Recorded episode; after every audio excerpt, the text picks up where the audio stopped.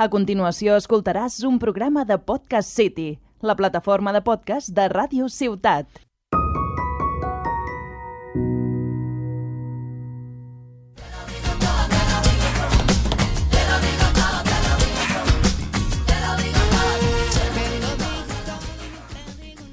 Queridos radioyentes, bienvenidos a un programa especial de Te lo digo todo, en el que hablaremos de un tema escalofriante, apocalíptico, apoteósico, luciferino, dantesco, eh, es decir, la educación, la docencia de enseñamiento.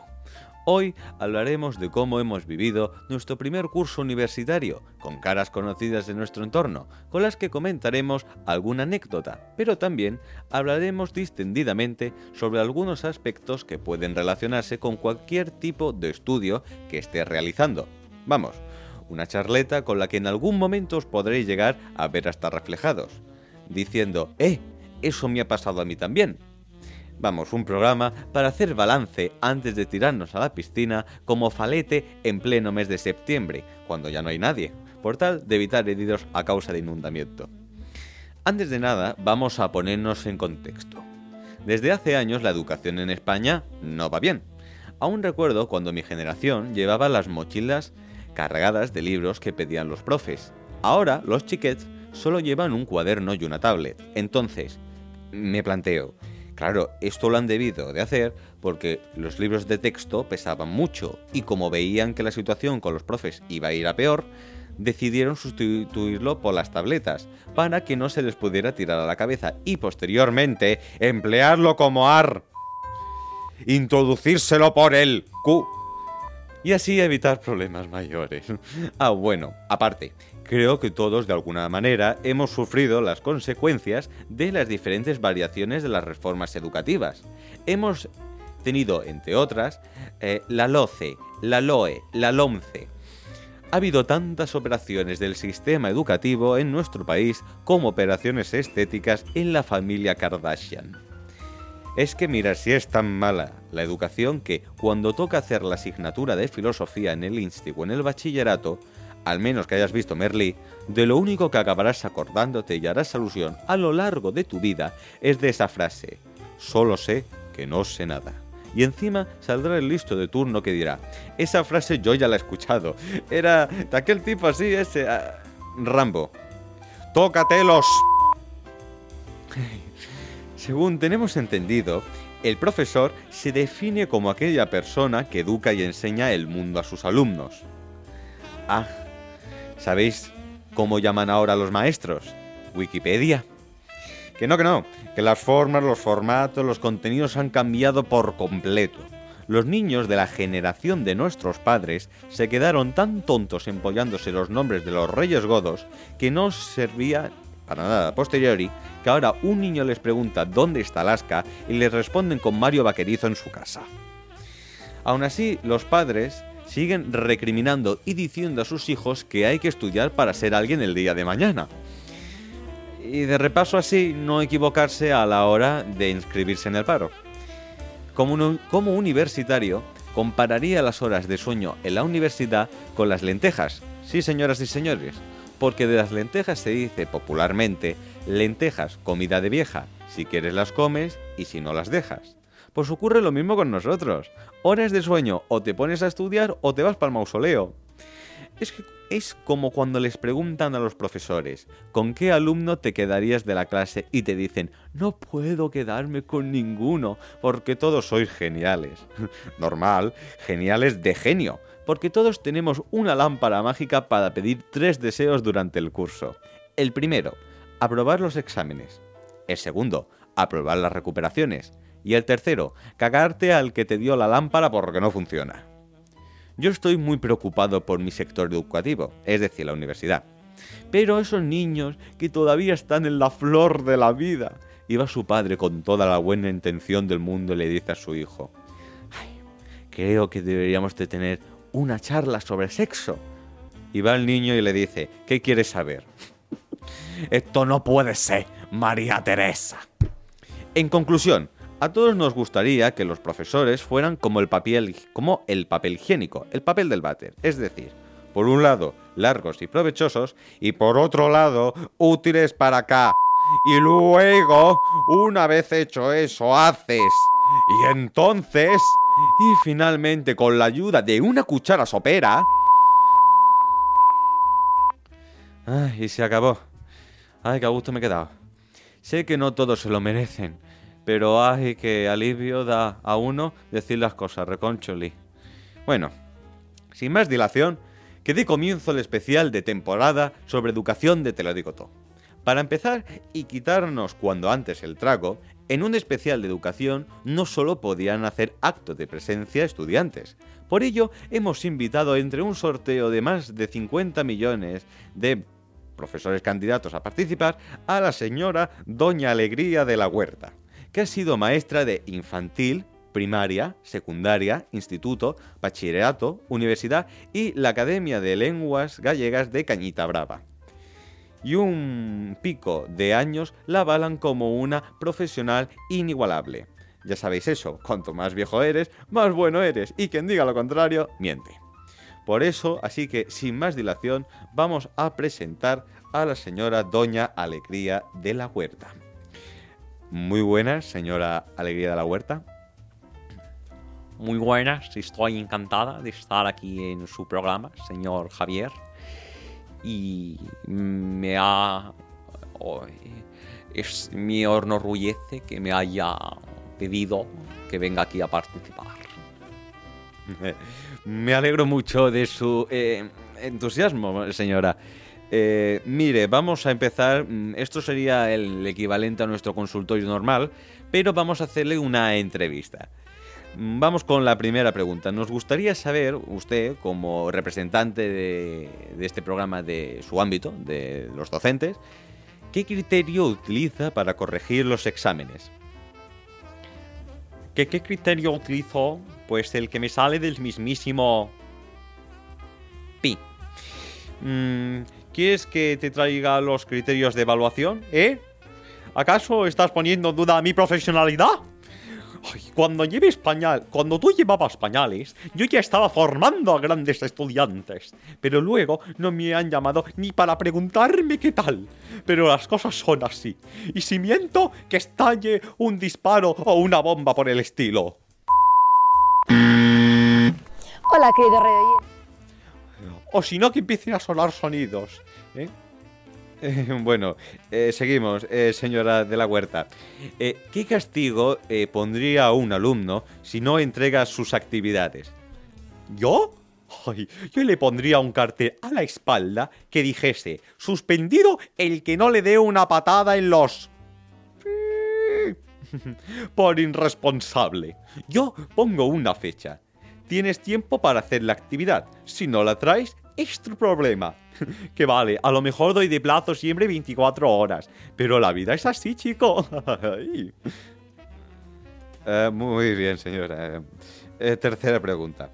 Eh, si se encontrara enfrente de la situación de que nadie quisiera participar en una clase, ¿qué haría? Obvio, obligarles. Si no, haberse quedado en su casa.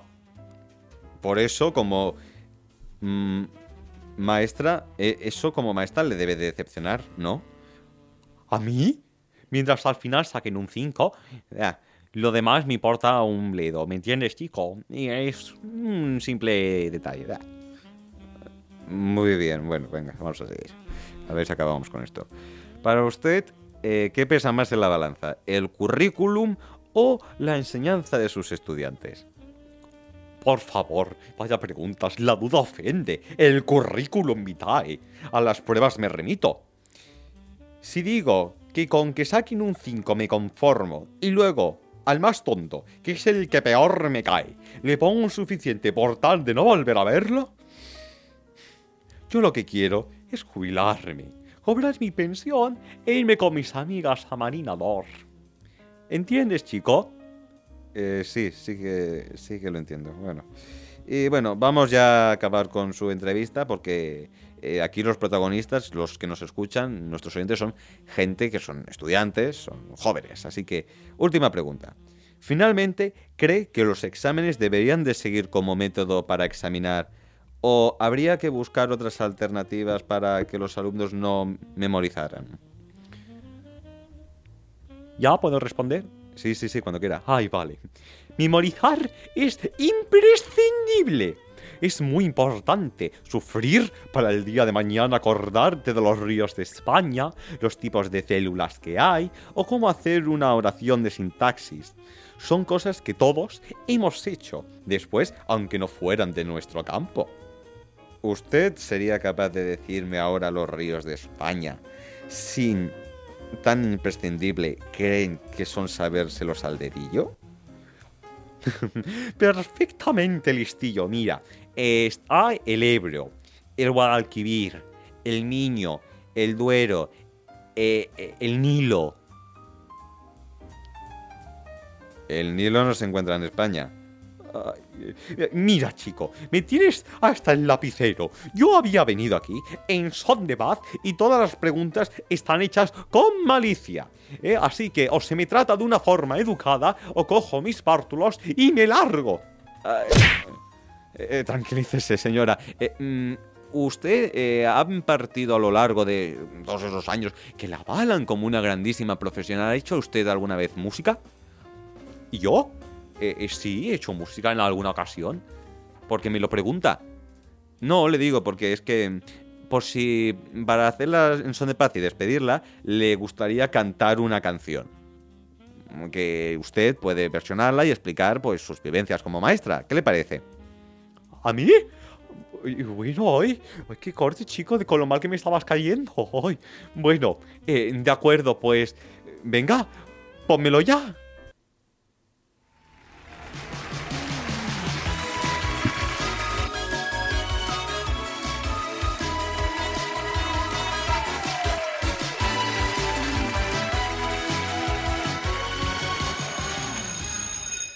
¡Ay! ¡Hola! ¡Muy buenas! Sacar todos papel y boli. Examen sorpresa.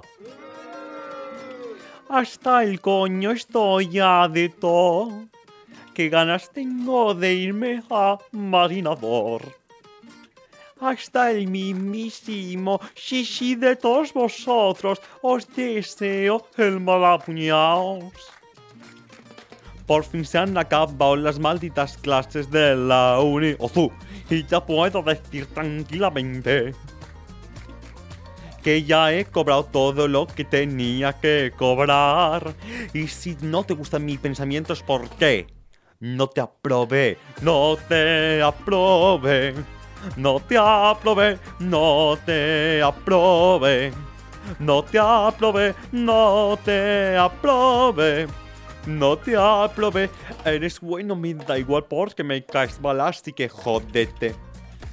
Alumno, no te aprobé por no asistir a una de mis clases.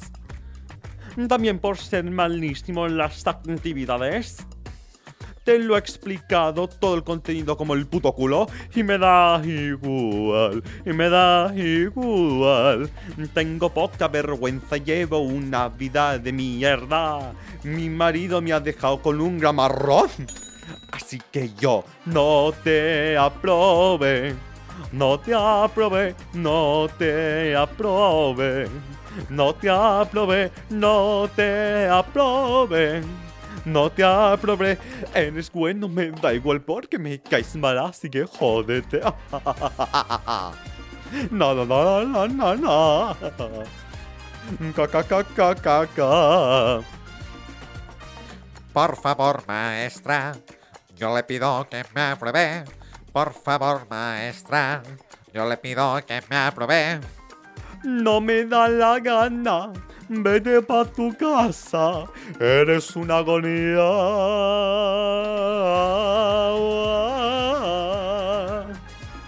No te aprobé.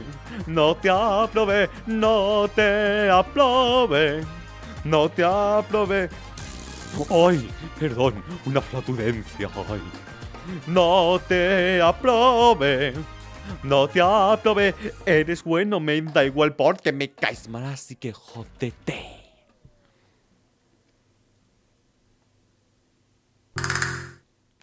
Bueno, y hasta aquí la intervención de la señora Doña Alegría de la Huerta, que después de esta intervención dudo que vuelva a participar en un programa de Te lo digo todo. Ahora, a continuación, vamos a realizar una tertulia en la que hablaremos de diversos aspectos en relación a la educación. Pero antes de nada, vamos a como habéis podido observar en todo lo que llamamos de programa, en ningún momento ha aparecido la Lidia. La Lidia en estos precisos instantes se encuentra en Honduras y nos ha enviado un mensaje para abrirnos la...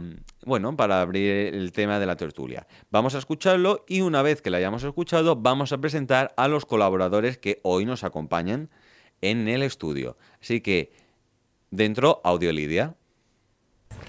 Hola queridos oyentes, como habéis podido comprobar, sí, efectivamente, no estoy en el plato, no estoy en el programa, eh, porque estoy de vacaciones en Menorca. Eh, seguro que mi querido Soco os lo ha comentado eh, cuando empezó el programa, pero sí. entonces, más que nada, como si no hago acto de presencia mm, voy a reventar, pues vengo a contar mi anécdotita y así pongo un granito de arena a, este programa si también tengo tos, porque me he constipado. Eh, bueno, dejo de contaros mi vida y os explico la anécdota. Bien, pues eh, mi pequeña anécdota es que en la Salle de Tarragona, que es el colegio donde yo iba, en primero de la ESO, hacíamos una acampada pues cada clase y tal, y nos quedábamos a dormir en tiendas de campaña y tal en el huerto que hay en el cole. ¿Qué pasa? Esto os lo digo para que os pongáis como en contexto.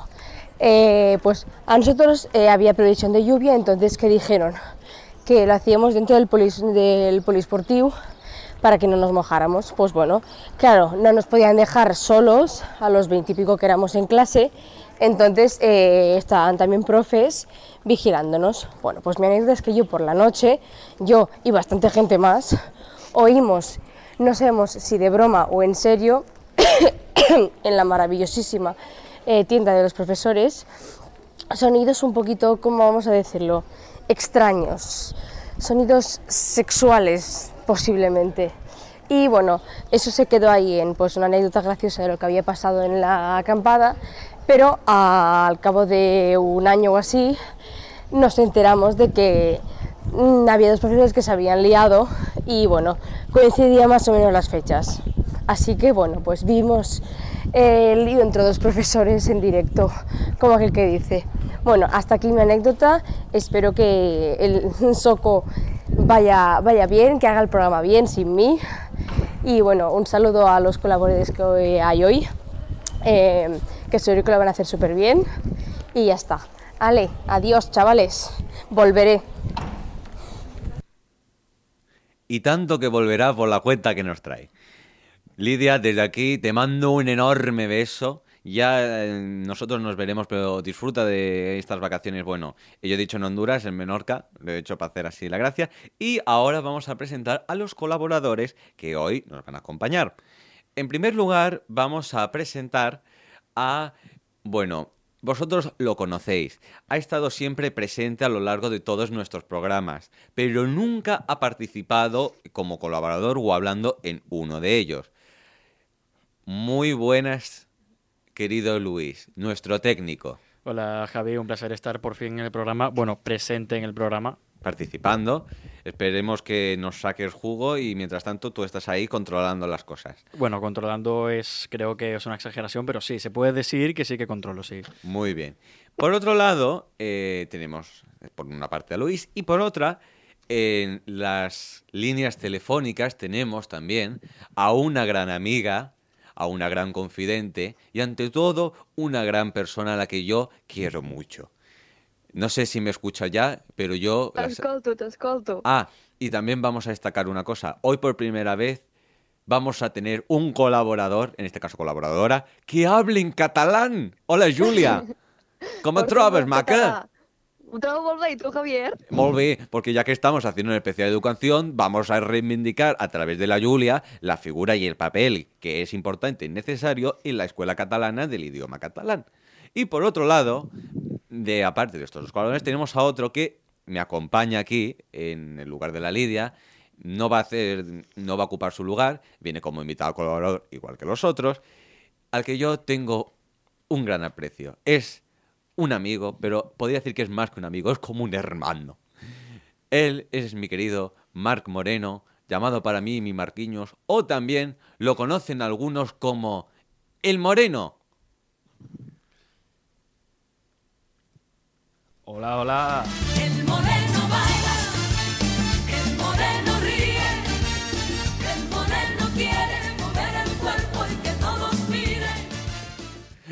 Muy buenas, Marc, ¿cómo estamos? Hola, muy buenas, Javier. Luis, queridos radiantes, es un auténtico placer estar aquí hoy con, con todos vosotros. Estoy, vamos, que se me saltan las lágrimas.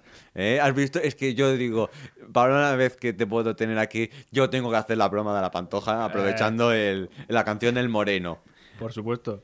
Hemos tenido el audio de Lidia que ha empezado a hablar del primer aspecto del que vamos a hablar en la tertulia, que es cuál es el momento más surrealista que has vivido, eh, bueno, en el instituto, en el caso de la Lidia, pero también puede extrapolarse a la universidad o a otros lugares.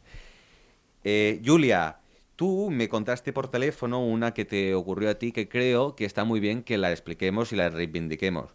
¿Puedes explicarla? Sí, jo crec que és important perquè crec que moltes nenes que ara estan a l'institut es poden sentir identificades en això, que és els codis de vestimenta que ens fan seguir quan estem a la universitat, a l'institut, perdó, a la universitat ja ens deixen vestir com vulguem, gràcies a Déu. Però a l'institut, tot i que sí que ens fan xerrades de que el feminisme és molt important, de que les dones som igual que els homes i tot això, en el meu institut, en el meu cas, la vestimenta, doncs, es veu que el feminisme se'l passaven una mica per on volien.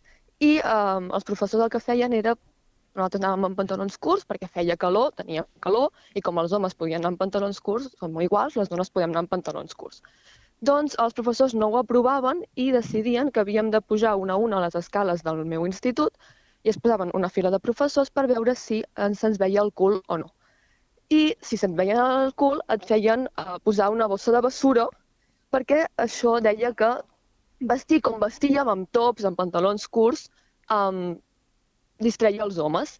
I jo dic, a veure, no seria millor ensenyar als homes que es distreuen amb els cossos de les dones a dir, és un cos com el teu i té tot el dret a vestir-se com vol, en comptes de dir a les dones, no, no pots vestir així, però per al contra fem xerrades de dir que tu has de ser igual que els homes, que tu tens tots els drets igual que els homes i que has de ser una dona empoderada, però, si us plau, fes-ho tapada i sense maquillatge.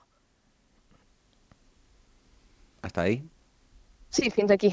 Muy bien, este es el tema que nos ha sacado la Julia, que en un especial como este es importante destacar. El feminismo en el sistema educativo actual. A ver, queridos colaboradores aquí presentes, ¿alguien quiere decir algo? Mm, a ver, no. e- e- Esta es una polémica que he visto infinidad de veces en muchos lados. La verdad es que es cansina y todo. Es un asunto que sucede en muchos lugares más de lo que nos pensamos y Sí. yo, es mi opinión, no se le da la relevancia o a veces lo camuflan. És mi opinió. Sí, nosaltres vam estar molts anys, tot, bueno, des de primer a, quart d'ESO, lluitant perquè ens ensenyessin el codi, perquè ells deien que tenien un escrit conforme um, no podíem vestir així, i nosaltres havíem firmat, però l'únic que posava és roba inadequada. Mm. Jo per roba inadequada identifico, doncs, um, robes amb lemes nazis, robes amb coses que puguin ferir la sensibilitat d'altres persones, però jo crec que els meus pantalons curts no fereixen la sensibilitat de ningú. Exacto. Sí. Aparte que yo creo que cada uno, eh, con independencia sea hombre o mujer, está en su derecho de emplear su cuerpo, o sea, eh, lucir su cuerpo, mejor dicho, como a él le ple- como a él quiera. Totalment. O sea, si a ti te apetece llevar unos pantalones cortos, estás en tu derecho. Si te apetece llevar un sombrero, estás en tu derecho. O como si te da la gana, llevar, ¿cómo se dice en eso? El tanga ese de la serie esa del turco de... Boker, no, Boker no. Em, sí, el tanga ese tan raro, ¿sabes de lo que te hablo, Mark? Sí, sí, sí, sí, me suena, pero ahora no caigo. Ay, no- yo tampoco. Pero es eso, que cada uno está en el derecho a llevar lo que quiera. Julia, aprovechándote que has empezado a hablar tú y te tengo presente, me gustaría preguntarte una cosa. Bueno, para, para las personas que no la conozcáis, Julia es compañera mía de eh, la universidad, al igual que Mark, es compañera de clase. Y la peculiaridad característica, podríamos decir, que tiene ella, aparte de que hoy, bueno, porque la Lidia no puede estar, es la única chica, pero también ella es la que más lejos vive de Tarragona. Julia, ¿podrías decirnos dónde vives? Sí, jo visc a Girona. Girona, o sea, por un lado, tú eres los vascos de Cataluña y te has venido aquí con los andaluces de Cataluña. Exacte. Clic, qua. y te fuiste a vivir, ahora este año, a una residencia de estudiantes. Exacto. Por lo tanto, mm, vamos a hablar de este tema y me gustaría que me dijeras qué fue el primer pensamiento que se te vino cuando supiste que ibas a irte a vivir a otro sitio, que ibas a pasar de vivir en Girona a Tarragona. Sí, jo faig, estudio periodisme i tenia molt clar que volia estudiar periodisme, tot i Pobreta. que, Pureta. tot i que uh, al moment em dic que uh, periodisme a Girona no, no hi és la carrera. Per tant, vaig inclús pensar a veure si volia canviar de carrera per seguir vivint a casa. Però, clar, al final, si el teu somni és ser- fer periodisme, doncs, no sé, segueix'l, no? Ole, Y eso, se- eso es, un momento, eso se merece un aplauso. Ah, de, ay, de es verdad. vocación. Eh, Gràcies, Es gràcies. que no le voy a dar aplausos enlatados. Hazle tú el aplauso, Javier. Joder, bueno, pero ya que lo tenemos, perdón, sigue con la anécdota. Doncs um, i vaig decidir que no, que al final me n'anava.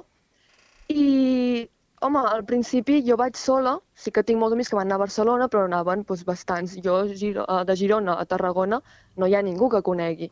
I em feia por, perquè al final és, sempre he estat vivint a Girona, a més a més sempre he estat vivint a, a 10 minuts dels llocs on estudiava, i ara de cop he de fer una hora i mitja amb tren, mitja hora amb bus per arribar a la residència que és on visc. I, però al final vaig dir, bueno, tu vols fer això, ho faràs. A veure, a l'arribar en allà és, se't fa tot molt gran. Se't fa tot molt gran perquè de cop sempre has tingut els teus pares i ara estàs vivint sola. Però el fet de viure en una residència jo crec que és de lo millor que es pot fer el primer any perquè no només coneixes a la gent de la teva carrera, que són estupendos tots, sinó que també coneixes a gent de la teva residència que fan altres carreres, que coneixes més gent, que tens diferents grups i vas adaptant-te. Jo sí que és cert que, clar, ha sigut un any i tampoc puc dir si estic 100% adaptada a Tarragona. Crec que em falten viure moltes coses a Tarragona, crec que em falta descobrir molta gent i crec que al final podré dir, em sento com si fos ja part de Tarragona i part de Tarragona és la meva vida, no? Muy bien, Julia. Però jo animo tota la gent que ara es trobin amb la selectivitat, tinguin la nota, Ujú. no entrin a la seva ciutat, no entrin al lloc on te vulguin. O quieran i ir, o de mutuo propio, prefieran irse a otro sitio. o de motu propi vulguin dir, doncs jo necessito una experiència i me'n vull anar, feu, no us arrepentireu en absolut. És una experiència molt bona, et fa créixer molt com a persona, jo sento que he madurat molt, jo crec que era una persona molt dependent de la meva família i ara doncs, m'espavilo més sola perquè és que no, no hi ha altra forma de fer-ho. Muy bien, Julia. Por otro lado, tenemos a Luis. Luis, a diferencia de los aquí presentes, él va a un curso por delante nuestro. Bueno, es lo que tiene ser superdotado. Y él vivió... muy, muy, la- muy superdotado no, no soy. No, soy No cabe- no cabe duda. A veces creo que soy infradotado, ¿eh? pero no pasa nada. No. Y él tuvo que el primer curso de la carrera vivirlo en la situación pandémica, en la situación COVID. Por lo tanto, pa- para esto bien que quieren los sonidos enlatados, tócate Eh, los eh, eh, cojones. Eso sí tiene que ser pésimo. Anda. Así que la pregunta que yo te quiero hacer, Luis, ¿cómo tú viviste la situación COVID y vuelves ahora a un mundo nuevo? A ver, un mundo nuevo tampoco, pero sí que era una- eh, que te cortasen segundo de bachillerato a la mitad y tener que estudiar toda la selectividad en casa encerrado durante dos meses, la verdad es que fue un poco, como diría nuestro querido Javier Adeba, toca cojones. Y, y no, fue, no, fue una experiencia particularmente bonita. Ya comenzar la universidad, la incógnita, y por cierto, eso así se llama mi programa, escuchadlo, ¿vale? La incógnita era entrar en septiembre y no tener ni puta idea de si la clase iba a ser presencial, de si íbamos a, a ver a pisar siquiera la uni, de si deberíamos pillar un piso en Tarragona, de si tal. Ah, y sí que fue, pues, durísimo. Eh, sobre todo porque el primer año fue casi íntegramente online. Todas las asignaturas probablemente habemos- habremos visto a cada profe una sola vez presencialmente. Después de eso, solo los profes que se han repetido en segundo los hemos vuelto a ver. Y el único con el que tuvimos la hemorragia de placer de compartir práctica tras práctica tras práctica presencial fue el querido y estimado José María Grau, que si escucha este programa. JM, desde aquí te mandamos un beso. Antes grande. de seguir, cabe recalcar una cosa. El programa no se hace responsable de las opiniones individuales de cada uno de los colaboradores. Luis, sigue por donde quieras ir. Sí, José María, no eres muy agraciado dentro de los de primero de carrera, ¿eh? Nosotros los de segundo te recordamos con algo de cariño, pero porque, vamos, dejabas que tu gata se colase en, medio, en media llamada Yo a él le tengo cariño. un verdad, una, especie de cierto cari- una cariño. especie de cariño especial, ¿no? Yo sí. Un- Amor-odio. Sí, Ya bueno, sabe por eh, qué. La, la- la anécdota fue que estábamos en clase online, muy bien, muy guay todo, no, y ha venido la- su gata, se ha colado en la mesa y, el, y la, gata estaba enfrente de su ¿Y cámara. ¿Tenía nombre la gata, por casualidad? Nunca le preguntamos el Ah, nombre. Garfield. Pero la gata, o sea, la gata se atravesaba en la llamada, miraba la cámara, todo el mundo miraba a la Bien. gata y el profe, en vez de mover a la gata, se movía él. Se desplazaba él. Con la cámara, para- No, no, claro. no, no, no. O sea, eh, en plan, él se aportaba para seguir Mm. viendo la pantalla y no movía, no quitaba a la gata. Y ya no fue hasta que la gata se le abalanzó encima, en plan, para pedirle mimos y tal, que él co- coge a la gata y le dice, que tú también bolso clase. Y se, siguió dando clase. Chupar Sí, sí. cámara a la gata. Pero fue, fue fuerte. Además, también era el tema de la, de la ve- veracidad de nuestra educación. Porque a la hora de hacer los exámenes, claro, mm, ¿quién te garantiza a ti que la persona no está haciendo trampa en casa? Y Eh, Bueno, en casa, es que eh, la- la- en casa o en el mismo sitio lugar. full disclaimer, esto Yo creo que es que eh, sería mentir decir que a día de hoy la gente no copia. O sea, yo no puedo decir, es que mis compañeros ninguno copia, porque es que sería No, no, es mentira. la verdad. Te puedo decir, y con- sin lugar a pelos en la lengua, siendo delegado de segundo de carrera, que más del, más del 80% de la clase, Sí. en al menos un examen, hizo trampa Sí, sí, y las sí, notas sí. son de todo menos fiables. Claro, no pueden ir alumno por alumno en una Por lo tanto, podemos decir que el examen, el método de examen de toda la vida, no es un sistema a día de hoy fiable para poder evaluar a no, un alumno. No, no, no, diría es eso. No, no, no, no diría No, eso. no. Yo también te diría que el examen tiene sus ventajas. Bueno. No somos maestros de la psicología ni de la pedagogía para saber si los, si los exámenes funcionan del todo o no, pero los exámenes en modalidad online ciertamente no eran fiables. Vale. ¿Es, un Sí, método de, ¿Es un método de evaluación bueno o no? Debatible. ¿Era un método de evaluación eficaz y veraz en el contexto de la pandemia? Complicado. Complicado y lo dudo muchísimo. Y eso es más o menos todo lo que tengo que decir respecto a cómo fue vivir el COVID en, en el primer año de carrera. Muy bien. Y ahora vamos a ir a por ti, Marquinhos, que eres el último. Tenía preparada una pregunta, pero te voy a hacer una pregunta general con la que también van a poder hablar los otros y así podemos dar por concluida esta tertulia. La primera de, a lo mejor, algunas otras que haremos. Son dos preguntas las que te voy a hacer. La primera, ¿crees que los alumnos están motivados por los profesores a día de hoy? Y, por otro lado, ¿los profesores hacen autocrítica de su trabajo cuando ven que no resulta bien? Hombre, respecto a la primera pregunta, yo creo que eh, este año, al menos en lo que hemos podido descubrir nosotros, yo creo que no. O sea, los alumnos de ninguna, de ninguna manera están motivados por los profesores. Es decir, yo llegué con unas expectativas, al menos este primer curso, de pensar, ostras, pues quizás eh, un cierto nivel por parte de los profesores, ¿no? Eh, porque al fin y al cabo es la mitad de la clase, o sea, mu- aporta muchísimo el hecho de que un profesor no solo enseñe, sino que Mm. esté ahí por vocación, ¿me entiendes? Exacto. Y eso se- lo podemos extrapolar tanto con nosotros mismos y también a gente que nos esté escuchando. Mira, Claro. recogiendo lo que estás diciendo, yo quería decir que hemos hecho una encuesta en la que preguntábamos esto, que eh, decía, me siento motivado por el conjunto global de profesores. Obtuvimos 57 votos. De los 57 hubo 41 votos en contra, 13 votos en blanco y 3 votos que decían que sí. Desde aquí yo les quiero decir a todos los docentes que nos est- puedan estar escuchando, nos escuchen, que cuando hay una situación de estas que no hay motivación, lo que hay que hacer es una autocrítica. Entonces Exacto. ahora, enlazando esto, Marquinhos, Marc, ¿qué podemos decir de la autocrítica que puedan hacer o no los profesores? ¿Crees que hacen autocrítica o la suficiente autocrítica? A ver, eh, esta pregunta también es complicada. Yo creo que la suficiente no. Yo te voy a poner un ejemplo en- que yo viví en el bachillerato de un profesor rápido en castellano que, bueno, todo, todo el alumnado le tenía cierto respeto y tal, y no había nadie que aprobara sus exámenes. Pero cuando digo nadie, nadie. Y yo me incluyo en ese conjunto, ¿no? Mm.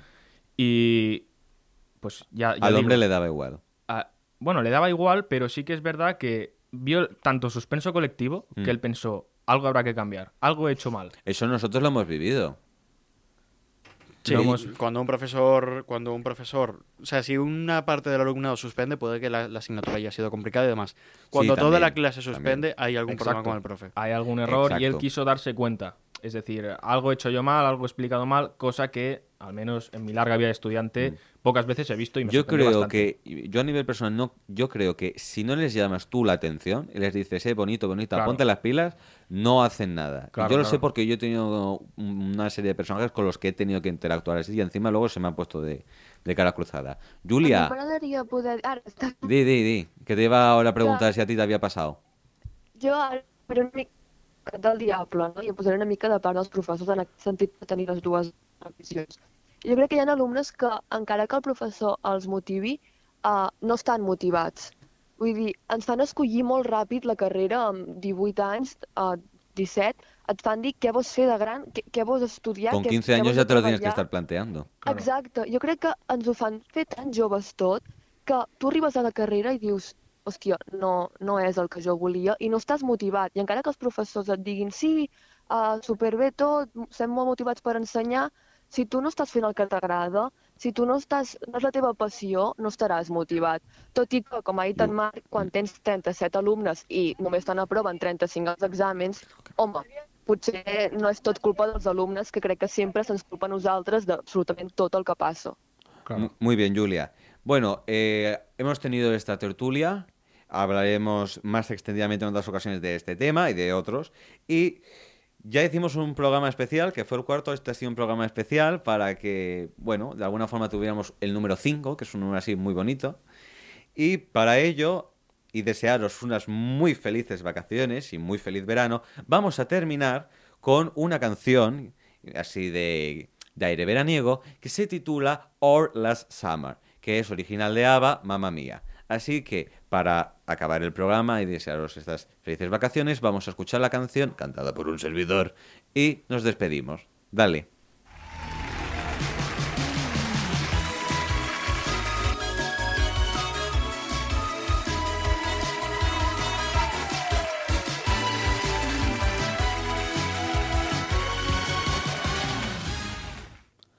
I can still recall Oh, last summer I stand the roll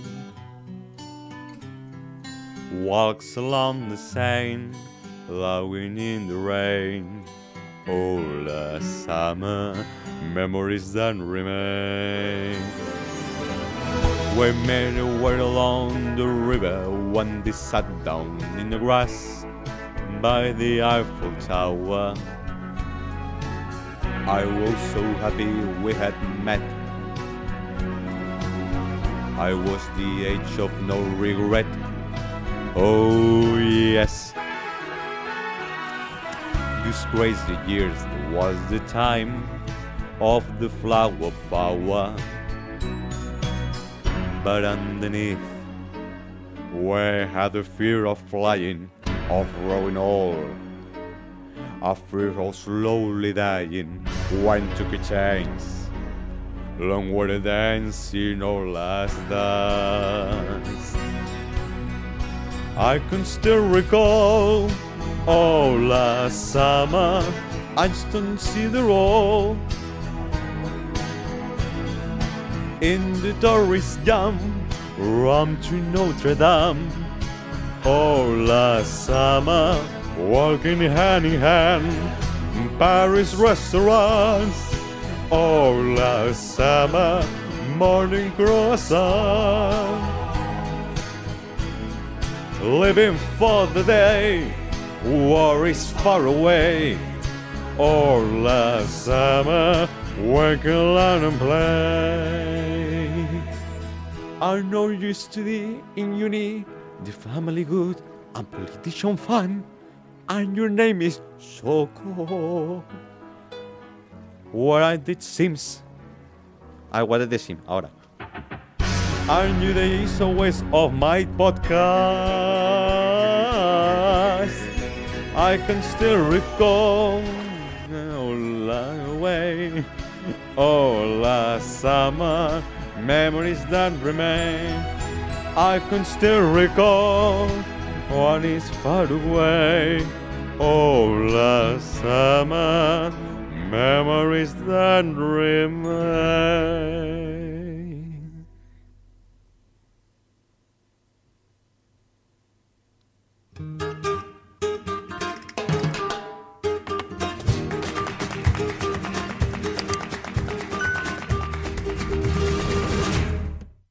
Has escoltat un programa de Podcast City, la plataforma de podcast de Ràdio Ciutat.